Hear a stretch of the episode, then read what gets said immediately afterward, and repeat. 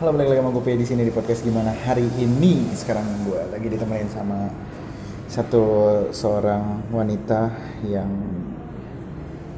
bisa dibilang sahabat gue teman baik gue dia bisa jadi kakak adek em, bahkan orang yang paling berpengaruh buat gue asik. Oke boleh disebutkan siapa nama anda kakak? Halo. halo. Aku Jessica. Nama kamu Jessica Jessica siapa Jessica Iskandar Eh, enggak, Oh enggak, jadi Jessica siapa? Jessica Alba. Oh jadi aku harus ngomong sama kamu pakai bahasa Inggris ya? Hello, what's your name? gitu gitu. Terus gimana dong? Dia diem. Eh Jessica, Jessica ini bukan dari Jakarta kan ya? Kamu bukan dari Jakarta kan? Benar gak? Bukan. Saya merantau di Jakarta Dari dari Bandung. Kota Kembang Ya, yang penuh dengan bunga desa.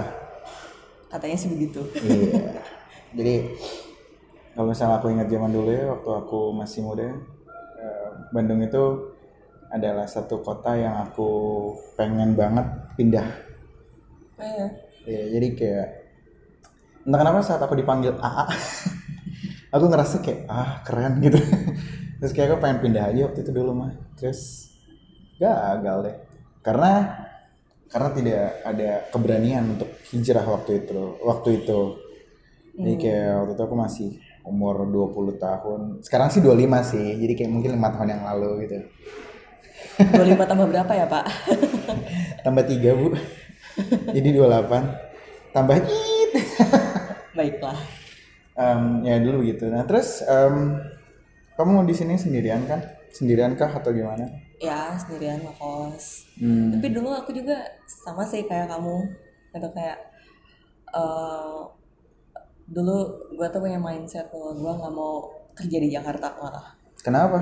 soalnya tiap kali aku ke Jakarta tuh pasti pasti aja sakit gitu Hmm. gara-gara nggak cocok sama udaranya mungkin ya Oh mungkin kamu tuh tipikal-tipikal udara apa apa kayak orang-orang yang berudara maksudnya kayak orang-orang yang orang-orang desa lah yang serba hijau serba hijau gitu ya. Udaranya kayak keluar-keluar hijau gitu ya kan? Kayak tai sapi hijau gitu. ya nggak tai sapi juga sih pak. Tapi kan tai sapi hijau kamu lihat kalau misalnya keluar tai sapi itu hijau gitu? Sebenarnya kita ngebahas tai sapi. Itu itu menyatu dengan alam. Oke fine. Blending with the nature. Absolutely like that. Really? Yeah of course darling. Ah, bebas lah terus nah terus terusnya habis itu gue juga mikirin kayak aduh Jakarta tuh macet ya terus padat penuh orang polusi gitu. Ya mungkin gue sakit gara-gara polusi juga gitu. Oh, jadi emang bukan bukan apa bukan tipikal-tipikal jiwa kota lah ya, ya mungkin bisa bilang gitu kayak, kayak mindset mindset desa lah ya kamu ya. Iya, saya kena AC lama-lama juga nggak bisa. Oh iya, Iya, sama. suka sakit gitu. Aku kena AC lama-lama kedinginan. Ya semua juga gitu sih. Terus em, di Bandung udah berapa lama kamu? Eh di Jakarta berapa lama? Jakarta udah dua tahun, ya udah tahun dua, dua tahun di Jakarta. Dua tahun ya. Mm-mm. Terus em, dulu di Bandung eh, apa sih? em, kenapa sih pengen pindah ke Jakarta? Ya waktu itu, ya ini ngelanjutin dari cerita gue yang tadi ya. Jadi kan Ah. awalnya nggak pengen Jakarta, terus Ah. sebenarnya eh, sering berjalannya waktu, Hmm. gue ngobrol tuh sama sepupu gue yang kebetulan emang dia orang Jakarta. Hmm, Dia cerita. saja namanya Jainab ya. Loh, kita samarkan nama dong biar kita nggak biar nggak ada suwe-suwe gitu loh. Kalau misalnya ntar ada apa suwe gitu, ada ada suwe. Ya ya, jangan. Jadi Calonnya Sidul, anak Betawi asli. Oke fine. Terus terus Jadi sepupu gue ini si Jainap ini dia itu Jainab beneran dong. ya kan katanya sebut saja Jainap. Oh baiklah, oke sip Jainab. Terus Nah, terus si sepupuku ini dia menceritakan kehidupannya dia di Jakarta, pekerjaannya, kehidupan kantornya gimana dan dia cerita bahwa dia hampir tiap hari bisa nge-gym gitu. Terus kayak oh kayaknya kehidupan di Jakarta sepertinya tidak seburuk yang gue pikirkan dulu gitu. Oh, itu gitu. mulai mulai kebuka. Mulailah ya. Mm-mm. terus jadinya aku ngobrol juga sama satu temenku terus? Dia temen kuliah aku di Bandung. Sebut saja cowok cewek? Cowok. Sebut saya namanya Sidul anak Betawi asli. Anak Betawi asli. Tapi nggak bukan anak Betawi dia. Orang Bandung. Nggak dia orang Sukabumi. Oh Sangkuriang Sangkur loh kita harus memberi nama seseorang nggak boleh gitu. Oke lanjut terus habis itu si Sangkuriang itu kenapa? Sangkuriang jadi namanya Sangkuriang apa sih Dul? oke Sidul aja tadi kan Jainab tuh. Terus terus terus. Nah terus jadinya si Dul ini Ini beneran dinamain sama dia ya Tuhan ya ampun oke terus? Oke jadi temen gue yang Sukabumi Sidul tadi kan namanya Sidul Nggak kamu. boleh ya. Oke, gimana oke, sih? oke. Nah, si Dul ini dia cerita juga di Jakarta tuh dia lebih eh, menurut dia mindset dia lebih terbuka lah gitu. Daripada kerja di gitu. Bandung gitu. Terus, terus dia selalu ngajakin ayolah kerja di Jakarta. Cobain cobain. Nah terus udahnya waktu kuliah juga dosen pembimbing gue tuh bilang eh, lo harus cobain kerja di Jakarta walaupun cuma setahun aja tapi cobain gitu. Soalnya terus? Terus? soalnya eh, lihat profesionalismenya beda dari orang Bandung. Oh jadi gitu kayak oh oke gitu. Ya akhirnya mencobalah ngelamar-ngelamar Jakarta. Tapi sebagai Jess gini kayak masukan nasi. Nggak masukan sih cuman kayak aku sebagai orang Jakarta aku nggak berani bilang ke orang-orang kalau misalnya Jakarta tuh menyenangkan. Nggak men. Jakarta tuh kampret. Karena di sini tuh banyak banget orang macem-macem suku budaya dari A sampai Z 1 sampai 10 gitu kan. Semua orang semua orang tuh ada di sini dan bangkai-bangkainya manusia tuh ada di sini. Dan aku tuh merasakan kayak dari zaman aku masih pertama kali yang namanya hidup di bisnis kreatif gitu. Asik anak kreatif gitu ceritanya. Di bisnis kayak gitu. Macam-macam sih orang ya kan? Ada yang orang yang kayak sok-sok bilang ehm, lu harus bisa di sini. Ya kayak dengan support padahal tujuannya untuk ngejatohin gitu. Ada juga yang ngejatohin tujuannya mensupport. Macam-macam sih kayak aku ngalamin. Dan buat aku em, Jakarta itu nggak seperti orang bayangin sih. Kayak kadang kan orang-orang dari luar kota tuh berpikir wah Jakarta menyenangkan Jakarta menyenangkan. Enggak aku cuma bisa bilang udah mending pulang ke kampung kalau misalnya gue punya kampung mah gue pulang beneran kayak gitu. Kalau aku sih tapi sekarang karena ya kenapa tetap stay di sini? Karena balik lagi ya ya, ya makan dari sini terus buang air besar pun di sini gitu. Nggak bisa ke mana-mana lagi gitu aku mah. Tapi kayak em, aku mau nambahin sih dari ceritamu tadi yang barusan. Kan kayaknya dirimu kurang suka dengan lingkungan di Jakarta. Tapi gue harus akuin obrolan dosen gue itu bener sih.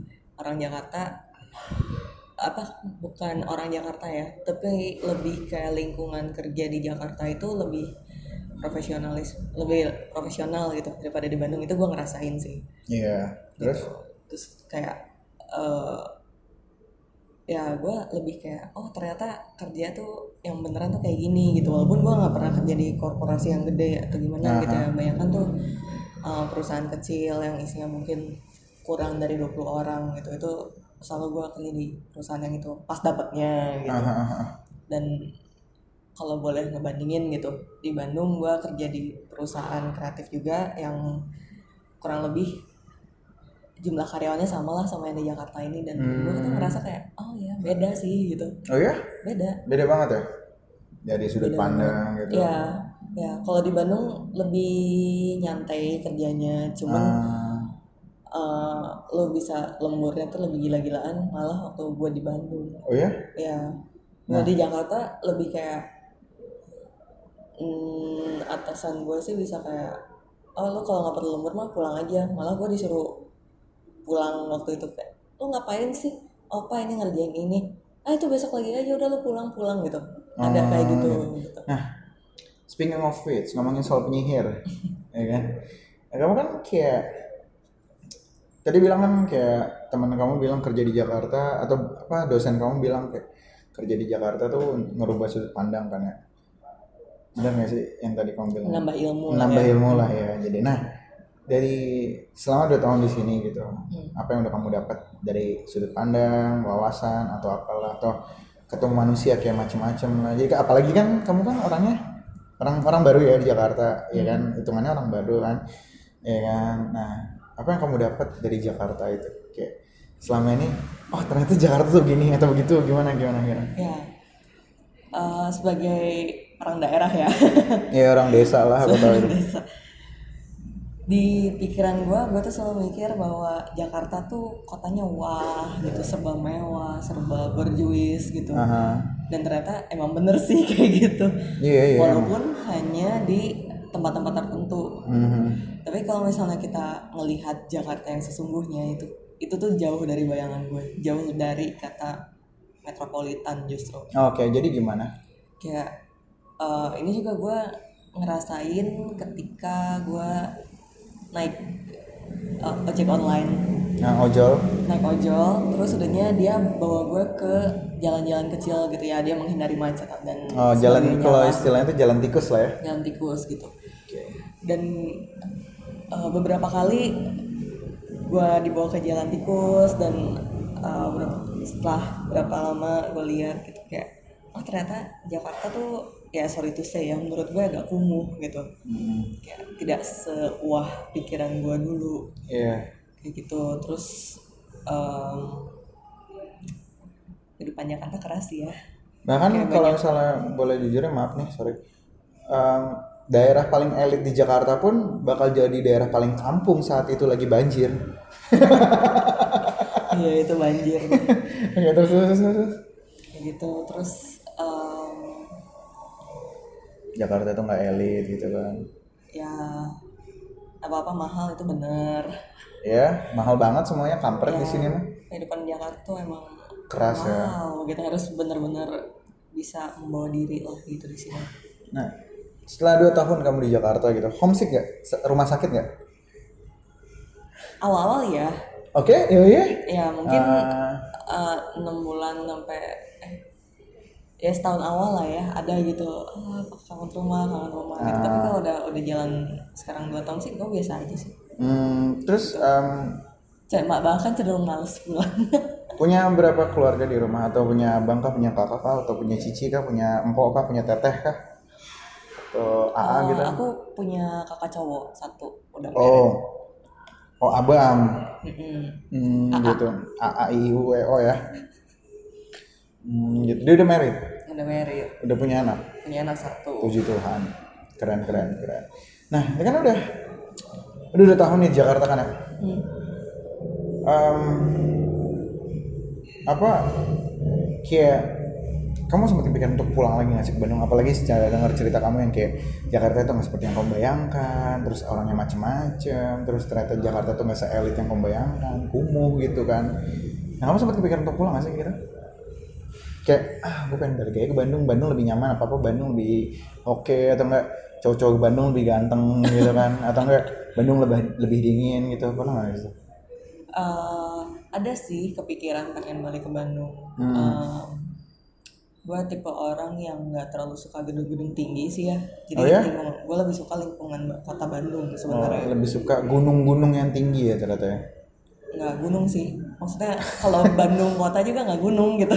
Tapi kan perdesaan tetap lah, maksudnya kayak ngeliat apa rumah. hijau gitu kan, keluar keluar ya lebih hijau. lah Ah. daripada Jakarta. Cuman untuk saat ini sih enggak sih ya gue tetap stay di Jakarta. Walau gimana pun juga walaupun Bandung katanya kota kreatif cuman tetap eh, kesempatan itu lebih banyak di Jakarta daripada di Bandung menurut gue Hmm, iya sih kayak kata temen aku, ada satu sahabat aku namanya Freike, dia bilang Jakarta itu kolamnya besar, yang mancing juga banyak. Nah di luar Jakarta itu kolamnya kecil, tapi yang mancing banyak. Iya. Gitu. Makanya semua orang pada lari ke Jakarta gitu. Dan buat aku Jakarta itu adalah satu kota yang gengsinya tinggi tau gak sih kayak per apa per per apa sih pertarungan gengsi itu ada banget di Jakarta ngerti gak sih? Iya sih. Yang kayak zaman sekarang tuh kan ngerasa kayak kayak lu hidup untuk demi menaikkan tahta lu biar gengsi lu. Lebih tinggi gitu bener gak sih? Sih? kayak apa apa sekarang kayak buat stories lah nunjukin kalau kita keren lah gitu. Bener gak sih gitu gitu tapi itu kayaknya nggak di Jakarta aja sih. Oh ya di luar kota pun juga ya? Aku aku orangnya Jakarta banget sih jarang aku keluar kota. pernah pernah aku ke Jogja gitu kan waktu lagi sekolah gitu. Terus nah aku ke Jogja itu tahun 2012 itu em, waktu lagi sekolah fotografi ada pameran di Jogja lagi apa main di Jogja. Terus ada orang yang punya rumah bilang gini aku bilang aku baru pertama kali ke Jogja bu. Oh yang bener kamu? Selama ini kamu hidup di mana? Oh sakit hati ini bu digituin. Tapi bener itu pertama kali aku ke Jogja dan oh wow dan aku kagum sama Jogja sih buat aku. Aku kagum banget sama em, tradisi sifat orangnya di situ ramah-ramah. Nggak tahu sih Jogja yang sekarang ya. Waktu itu kan tahun 2012 kan. Jadi kayak waktu itu aku ngerasa wow sekarang aku nggak tahu. Nah balik lagi ke Jakarta nih. Em, udah punya pacar Jakarta? Ada. Wow. Kenal di Jakarta atau dari mana? Kenalnya online. Dari? Dari game. Game apa? RO yang tua banget lu beneran. Dah game RO game RO itu kan udah lama kan? Ya udah lama. Wah gitu gitu gitu sebenarnya udah berat sempat berhenti main RO terus jadinya eh, waktu kuliah tuh teman-teman pada ngajakin ayo main ayo main. Ya udahlah menurut gue buat lucu-lucuan lah buat seneng-seneng gitu. Ya, jadi kamu kamu tipikal yang gamer? Gamer iya kan iya. Oh, game terakhir yang kamu mainin apa game terakhir yang PUBG cewek garis keras. Nggak bisa macam-macam sama di cewek ya kan? Kalau misalnya kenapa-napa ditembak loh untuk cowoknya Jessica mamam loh. Gitu. Oke terus em, berarti main game juga gitu kan. Terus hobi hobi hobi hobi kamu di Jakarta. Nah apalagi kan Jakarta penuh dengan hobi apa kayak komunitas-komunitas indie yang banyak banget di Jakarta. Dulu aku pernah masuk ke komunitas plastik kaskus plastik kamera community itu. Terus ya sempat bubar gitu karena emang menjalani hidup sendiri-sendiri gitu kan. Jadi ke komunitas yang nggak tahu ke mana sekarang. Nah terus nah dirimu adakah komunitas-komunitas yang kamu jalanin gitu atau apa? Em, awalnya enggak sih ya karena gue kan orangnya introvert. Oh ya introvert? Mm, nah terus kok bisa berubah jadi kayak gini? Emang kayak kayak gini nggak introvert ya? Enggak, maksudnya kayak lu berani ngobrol di sini pun itu bukan introvert buat gua. Eh, apa ya mungkin sedikit demi sedikit lebih ya ada perubahan lah selama hidup sendiri di dua tahun ini Siapa yang buat lu berubah gitu atau adakah orang yang bikin lu berubah? Karena gue yakin berubah itu nggak mungkin langsung sendirian sih. ya Pasti ada guru yang ngajarin lo gitu. Pasti ada, ya maksudnya secara langsung guru yang membuat lo bisa berubah gitu. Entah itu temen, entah itu siapa pun itu. Adakah? yang sepemikiran gue sih cowok gue sih dia Oh ya? iya dia itu selalu eh, bilang ke gue bahwa lu harus speak up lu harus coba speak up gitu. Oh, kayak ini udah saatnya lu didengar sama orang lu speak up lu speak up gitu. Dan akhirnya awalnya gue kayak rada bingung kan oke speak up apa yang harus gue omongin? Gitu ya Se- terus? uh, karena gue jarang ngomong kan lebih, lebih banyak diemnya awalnya juga bingung gitu apa apa yang harus gue omongin? gitu. Kayaknya ya hari-hari gue sih ya begitu aja gitu nggak Iya, iya, biasa iya, aja iya. gimana. Terus akhirnya ya dia coba nonton gue untuk uh, ya coba kerja dia nuntun gitu Mhm. supaya gue ngomong jadi dia pancing gue sama berbagai pertanyaan gitu gitu. gimana uh, di kantor gitu kerjaan gimana Ya, ya. teman-teman gimana eh, kayak gitu terus akhirnya uh, kelatih dan akhirnya ya gue bisa bisa ngomong sendiri gitu sama Oh, dia jadi kayak itu lo udah sama dia udah berapa tahun? dua tahun Dua tahun. Jadi, oh berarti lo sampai Jakarta udah jadi nama dia atau gimana? sampai Jakarta jadian Oh ya? Jadi selama berapa hari Ja- Jakarta jadi nama dia atau gimana? Atau atau lu nyampe Jakarta langsung jadi nama dia tuh? mungkin ada semingguan ya oh seminggu. Oh jadi, oh gila. Jadi kayak kayak kasarnya kayak em, lu from middle of nowhere gitu yang nggak tahu apa-apa tiba-tiba lu dipertemukan sama cowok ini terus kayak secara langsung dituntun lu di kehidupan ini Sama dia gitu secara langsung. Jadi lu tahu kampret kampretnya manusia bagus bagusnya manusia. Bener gak sih? Ya ya secara dia kan eh, orang Jakarta dari kecil kan. Jadi dia tuh Ah. bisa ngasih tahu ini daerah rawan hati-hati gitu. Atau Ah, daerah gitu. ini ya aman kamu bisa turun eh, Transjakarta di sini Oh, gitu gitu, kayak, gitu. oh ya oke gitu. Iya iya iya iya. Nah balik lagi eh, terus balik lagi ke soal cowok lo. Em, dia gamer atau gamer juga kan kenal dari game kan tadi kan? Mm, dia Gamer. gamer juga Gamer. Oh, berarti emang dipertemukan dari game ya. ya Kerjaan dia? fotografer Oh fotografer, gila, cinca yo.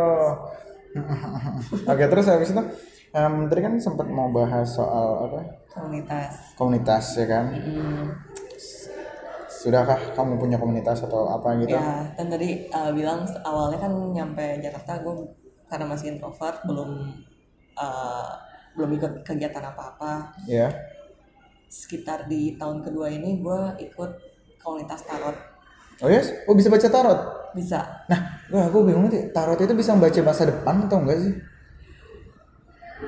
sebenarnya eh, karena gue masih belajar ya jadi gue akan jawab sesuai pengetahuan gue yang Oke, oke, sempit ini Siap, yang, siap, yang siap, siap. sedikit ini ya Ya oke oke, nggak apa-apa. Kalau sepengetahuan gue eh, bisa memprediksi. Tapi tarot itu lebih kayak menjabarkan pemikiran seseorang saat ini gitu. Oh, jadi misalnya eh, hari ini gue bacain lo nih misalnya. Gue Hmm. bacain lo terus hasilnya A. Hmm, terus misalnya lo besoknya atau seminggu kemudian banyak input pemikiran yang lain kan gitu. Mungkin Iya, aja iya. nanti bulan depan gue baca lo hasilnya lain tuh Oh, mungkin, gitu. Berarti secara langsung tarot itu cuman bisa ngebaca apa yang ada saat ini doang. Belum tentu bisa ngebaca masa depan bener nggak? Jadi apa yang ada dalam hati orang itu ya dibaca. ya Jadi kondisi kayak saat ini kondisi saat ini kan belum tentu bisa baca masa depan kan. Benar bisa kan? ya bisa enggak sih Oh bisa iya bisa enggak juga. Jadi kalau misalnya tuh em, yang gue tahu tuh satu tarot itu yang paling menyeramkan itu katanya Hangman ya. The Hangman gitu, yang orang terbalik gitu kan. Hmm, sebenarnya enggak juga sih Oh ya? maksudnya tergantung konteks juga kalau konteksnya apa dapat hangman mungkin Oh, jadi nggak bisa membaca satu persatu gitu kartu ya? enggak Oh, jadi harus dijabarin. Konteksnya uh, jadi kayak pertanyaannya gue pengen punya duit nih gitu kayak gitu gitu. Ntar ya nanti artinya lain artinya lain atau enggak cara penafsirannya aja yang beda-beda gitu bener gak sih? ya betul Udah berapa lama di komunitas tarot itu? Jessica? Eh gue baru datang pertemuan pertama tuh Februari Mhm. terus ya sampai sekarang ya walaupun jarang datang sih ya gue Oke, oke. antara kayak ikut ikut dan gak ikut komunitas itu gue Hmm. lebih suka kayak orang-orangnya rame gitu terus Nah. ngomongin soal tarot karena gue lumayan suka tertarik lah sama dunia spiritual gitu. Oh ya? ya Oh dirimu suka tertarik sama dunia spiritual karena? Karena itu hal yang menyenangkan sih buatku Berarti kalau misalnya lo ketemu kuntilanak menyen- menyenangkan? untungnya gue nggak oh enggak, enggak. nggak nggak melihat gitu gue nggak Oh nggak bisa melihat, tapi suka aja. tapi pernah ngeliat pernah tapi nggak Oh iya? nggak nggak yang tiap kali apa terus ngeliat nggak Jadi kalau misalnya ngomongin dunia spiritual itu kan banyak macamnya kan. Yang Ya. gua tahu pun dari temen gua kayak bahkan lo ngomongin energi pun itu udah termasuk dunia spiritual kan. ya Ya kan dari hal terkecil itu aja kayak pernafasan pun itu juga udah termasuk rohani kan bener gak sih yang kayak gitu-gitu kan udah ngomongin hal seperti itu. Nah em, part apa yang lo suka dari dunia spiritual itu? yang gue suka itu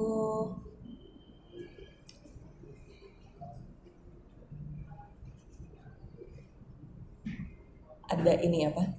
Ternyata ada kehidupan lain di luar sana yang, Oh ya? yang tidak kita lihat sehari-hari. Oh, ternyata gitu. Terus sebenarnya eh, ya gue percaya sih itu ada.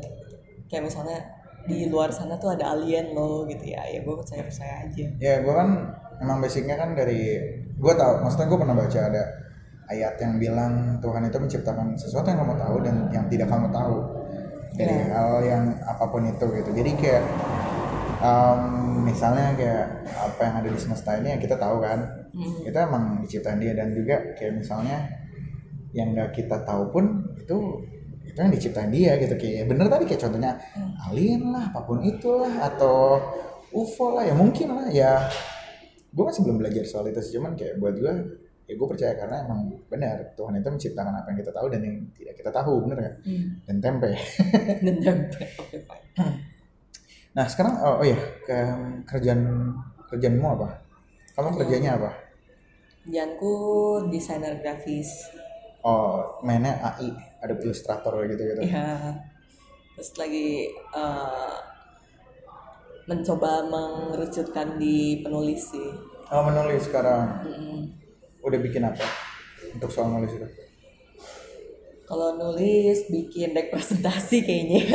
oh bukan oh masih untuk yang kan kerjaan formal Kerjaan ya kantor em, pernah bikin blog soal makanan juga. oh ya Ya, tapi cuma sebentar sih.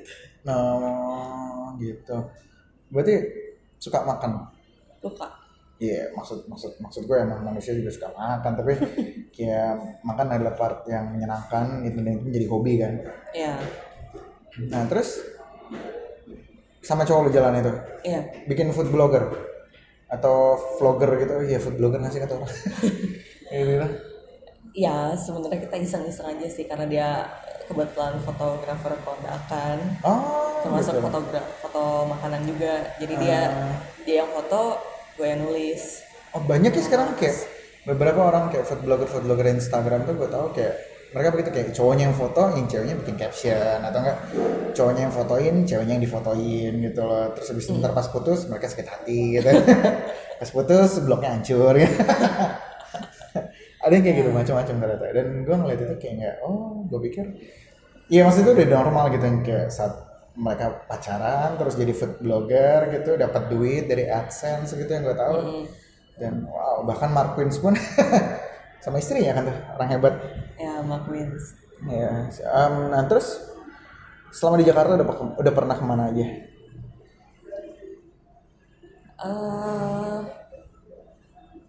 Jakarta Barat pernah ke pusat. Hmm. mungkin ke utara belum pernah ya. Utara itu daerah Pik ya ya pik oh pik pernah sekali sih ke Waterboom tapi selalu selain itu belum pernah sih. Ah gitu. Ke Dufan pernah waktu kecil. Udah Dufan oh, oke oke oke oke. Ke timur jarang sih seringnya main di selatan. Ke mana-mana naik apa trans kendaraan umum lah Transjakarta kah? Ya kalau kalau terjangkau ya pakai kendaraan umum. MRT sih biasanya kalau kalau kalau ke kantor sehari-hari kan naik MRT oh ya? Hmm. hmm, gitu. Nah em, tetap ngomongin soal Jakarta nih. Hmm. adakah adakah hal-hal yang lu nggak suka dari manusia-manusia di Jakarta gitu? Kayak eh, kampret atau apa gitu. Kan soalnya kan sikap orang Jakarta kan banyak banget tuh ya kan? Ya. Ya adakah yang buat lu kayak ah elah gitu-gitu ngerti gak sih? Banyak sih sebenarnya. Udah gue duga. Oke ceritakan ceritakan gimana gimana? Eh, hal pertama yang gua kaget ya bisa dibilang culture culture shock ya itu tuh cara ngomong mereka tuh kayak marah-marah. Maksudnya? Ya ngomongnya kan keras kenceng suaranya lantang gitu. Sementara kan kayak gini wah lai gitu-gitu. Kau stop tipu-tipu lai. Oh itu itu Medan ya? Oh iya. Bukan. Terus, cara ngomongnya tuh kenceng gitu. Ah kayak ya kayak orang lagi marah-marah gitu nadanya tinggi sementara di Bandung kan nggak ada yang ngomong kayak gitu masa sih iya Emang cewek-cewek Bandung ngomongnya apa mas gitu nggak? itu kayaknya Solo ya Oh iya. Kan kan wanita- wanita-wanita Jawa kan emang lembut banget kan ngomongnya. iya Is- Apakah Bandung seperti itu juga gitu enggak? Hmm, lembut tapi nggak slow itu kali ya ngomong Ah gitu. Soalnya kan tadi kayak lo bilang em, Jakarta tuh nggak soalnya pengalaman gue pernah ke Bandung pun Hmm. gue ngeliat obrolan orang Bandung biasa aja buat gue dan kita pun ngobrol biasa aja. Jadi kayak sampai gue ketemu neng-neng di sana pun ya teteh-teteh di sana pun buat gue kayak oh masih normal gitu. Ya nggak tahu sih mungkin gimana emang keseharianmu selembut itu kah di rumah? Tapi mungkin lo ke Bandung akhir-akhir ini kali yang udah medsos sudah mulai menjamur di mana-mana. 2014 sih. Iya itu udah termasuk medsos menjamur di Iya. sana. Oh gitu. Mungkin ya orang-orang udah melihat oh kayak gitu cara ngomong kayak gitu gaul ya gue Oh, gitu. gitu, itu kayak- kan pengaruh juga. Cuma kalau kayak- misalnya orang Bandung yang aslinya tuh ngomongnya nggak kayak orang Jakarta gitu. Oh, kayak nadanya lebih ngerendah oh sempat aku Ngomongnya aku juga pernah lagi di Bandung gitu di warnet sama teman eh mana anjing? gitu. Ya Ada yang kayak gitu, itu, itu juga banyak sih. Iya kan? Bener kan ya kan gitu gitu nah sempet gue ngomong apa kayak apa ngomong bahasa Sunda ada teman teman gue bilang gini kayak ah Pei mah nggak pantas ngomong Sunda gitu kan ya. Iya, oh iya iya sih katanya kasar gitu. Sed- Sedangkan saat momen itu gue denger kayak, Hah, ini orang Bandung tapi ngomongnya kasar jadi gimana? Dong? mungkin logatnya kali ya aneh. Hmm. aksennya aneh mungkin. Oh ya ya kayak gue ngomong Inggris lah ya kayak British accent really actually like that you know alright. Nah terus oh ya em, selain aksen ngomong itu apalagi yang kayak ngebuat lu kayak "Err" gitu kayak ah elah gitu? Terutama di eh, jalan kali ya. Jalan Mm, oke. Jadi kayak gue kaget banget waktu gue naik ojol. Oke. Eh, ojol gue tuh jalan terus sampai pas di zebra cross atau lebih malah. Ah itu ya ya ya. gue pikir ya udah mungkin cuman si abang ojol gue ini tapi ternyata banyak gitu yang ngikutin kayak oh. Oh ini hal yang biasa ya di Jakarta. Iya itu itu juga itu juga termasuk hal yang biasa tapi buat gue gue sekarang jadi risih gitu loh. Karena semenjak itu ditetapkan itu kan tahun 2009 ya kan ya? Di Jakarta tuh ditetapkan apa 2005 gitu aku lupa. Jadi kayak nggak boleh ngelewatin garis putih kan saat lampu merah kan tapi sekarang masih banyak gitu. Dan tahu kayak ket- ketertiban keamanan di Jakarta tuh kayak sekarang tuh menurun banget kayak ah gitu. Pokoknya kayak ya lah gitu. Dan tapi tapi kalau misalnya kamu ke tengah kota gitu ke HI oke pak HI Square around round. HI around gitu kan. Di situ um, lumayan tertib sih. Apalagi sekarang kan udah ada yang orang nyebrang di pinggir jalan yang kayak gitu-gitu. Ya awal-awal tertib tapi gue sempat ada momen ngeliat kayak orang udah nyebrang tiba-tiba motor libas gitu libas maksudnya terus gitu kan. Ya buat gue adalah kayak kenapa orang Jakarta tuh kayak nggak bisa konsistensi sama peraturan gitu kayak kasihan gitu loh orang udah bikin susah-susah kita mau bagus. Dan gue pun sebagai orang Jakarta yang notabene nya udah puluhan ribu tahun tinggal di Jakarta ya eh kan. Umur berapa pak? Ya biasa kan namanya juga vampir gitu kan. Hmm. kayak kayak gue ngeliat tuh zaman dulu tuh orang-orang rapi gitu di Jakarta tertib gitu di Jakarta. Dan mereka masih mau nunggu ngantri di Jakarta. Dan entah kenapa milenial itu merubah segalanya. Semakin pengen semakin ada sosmed semakin lu pengen dilihat orang. Dan semakin lu pengen dilihat orang lu pengen banget nunjukin sesuatu yang beda di depan mereka. Saat lu ngelakuin sesuatu yang beda di depan mereka lu mulai kayak ber apa kayak gaya berlaga sa selayaknya kayak oh gue bisa lo kayak gitu juga. Kayak gitu gitu ngerti gak sih? Jadi itu mendorong melanggar peraturan Iya, banyak banget yang hal-hal kayak gitu setelah gue pelajari, gue telah pelan-pelan, yang gue riset lihat-lihat mana manusia-manusia milenial di Jakarta. Oh mereka tuh ngelakuin hal itu biar dilihat keren atau enggak? Mungkin kayak misalnya nih ada abang eh, senior mereka bilang, oh dulu gue ngerokok waktu SMA gitu, ngumpet-ngumpet. Terus mereka mulai kayak, ya udah gue ngerokok di nggak usah ngumpet-ngumpet, nunjukin aja tempat umum gue bisa kok. yang kayak gitu. ya tapi kalau menurut gue sih ya yang banyak di jalanan gitu kayak uh, pengendara sepeda motor itu kayaknya nggak semuanya milenial sih Iya ada juga yang tabiatnya juga udah kampret dari dulu sih gitu loh. ya terus hal yang bikin gue kaget itu uh, setiap kali lampu stopan berubah jadi hijau itu klakson tuh udah kayak paduan suara gitu Iya. Kayak, Oh gue pernah gue pernah melakukan itu sama sahabat gue. Gue pernah iseng. Jadi saat lampu hijau, gue langsung mencet klakson. Gue cuman gini dong, tin dan semua orang ke trigger, tin tan tin tan tin. Uh, gue ketawa-tawa, oh berarti orang Jakarta sebelum itu. Ya, itu di Bandung nggak ada sih kayak gitu Oh iya? Soalnya kalau misalnya emang udah hijau terus Dia mungkin di depannya tuh pengendaranya lagi bengong nggak baru gitu. Dia nggak iya karena dia nggak gerak lah ya. Iya, iya. Terus di Bandung kan ada kalau di lampu apa di lampu stopan yang agak gede gitu jalannya Mhm. itu tuh ada RHK Apa tuh? ruang henti khusus. Ruang henti khusus. Ya, Gila. jadi kan paling depan tuh zebra cross kan. Ah. Di belakang zebra cross itu eh, RHK itu biasanya dicat merah. Itu tuh emang buat eh, tempat berhentinya sepeda motor Oh, sebelum zebra cross. sebelum zebra cross. Kalau misalnya dia melanggar itu ada ya salah kena tilang kena tilang. Ah, ya. gitu. Kayak gitu. Terus udahnya setelah si RHK itu baru pengendara mobil boleh berhenti. Jadi mobil tuh nggak boleh berhenti di RHK itu. Oh, Nah, jadi kan kayak lebih tertib gitu. Terus di sini gue liat kayak wow berantakan ya gitu. berantakan, berantakan. Dan gue bangga ngomong itu. Kita berantakan sekali loh. Oh, oke, fine.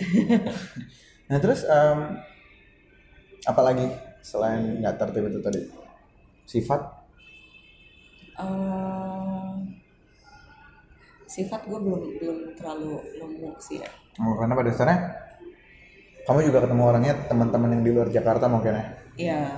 oh gitu nah terus em, ya kamu ngerasa nggak sih ada perbandingan jauh nggak sih antara Bandung dan Jakarta gitu secara kan kamu orang Bandung kan Hmm. ada nggak perbandingan mas kayak ah elah di Jakarta begini amat gitu atau kayak gitu gimana sih? Kayak gitu gitu Hmm, selain lingkungan ya lingkungan kan pasti beda gitu ya. Tadi gue bilang uh, profesional di lingkungan kerja, terus adanya lingkungan lalu lintas seperti itu gitu.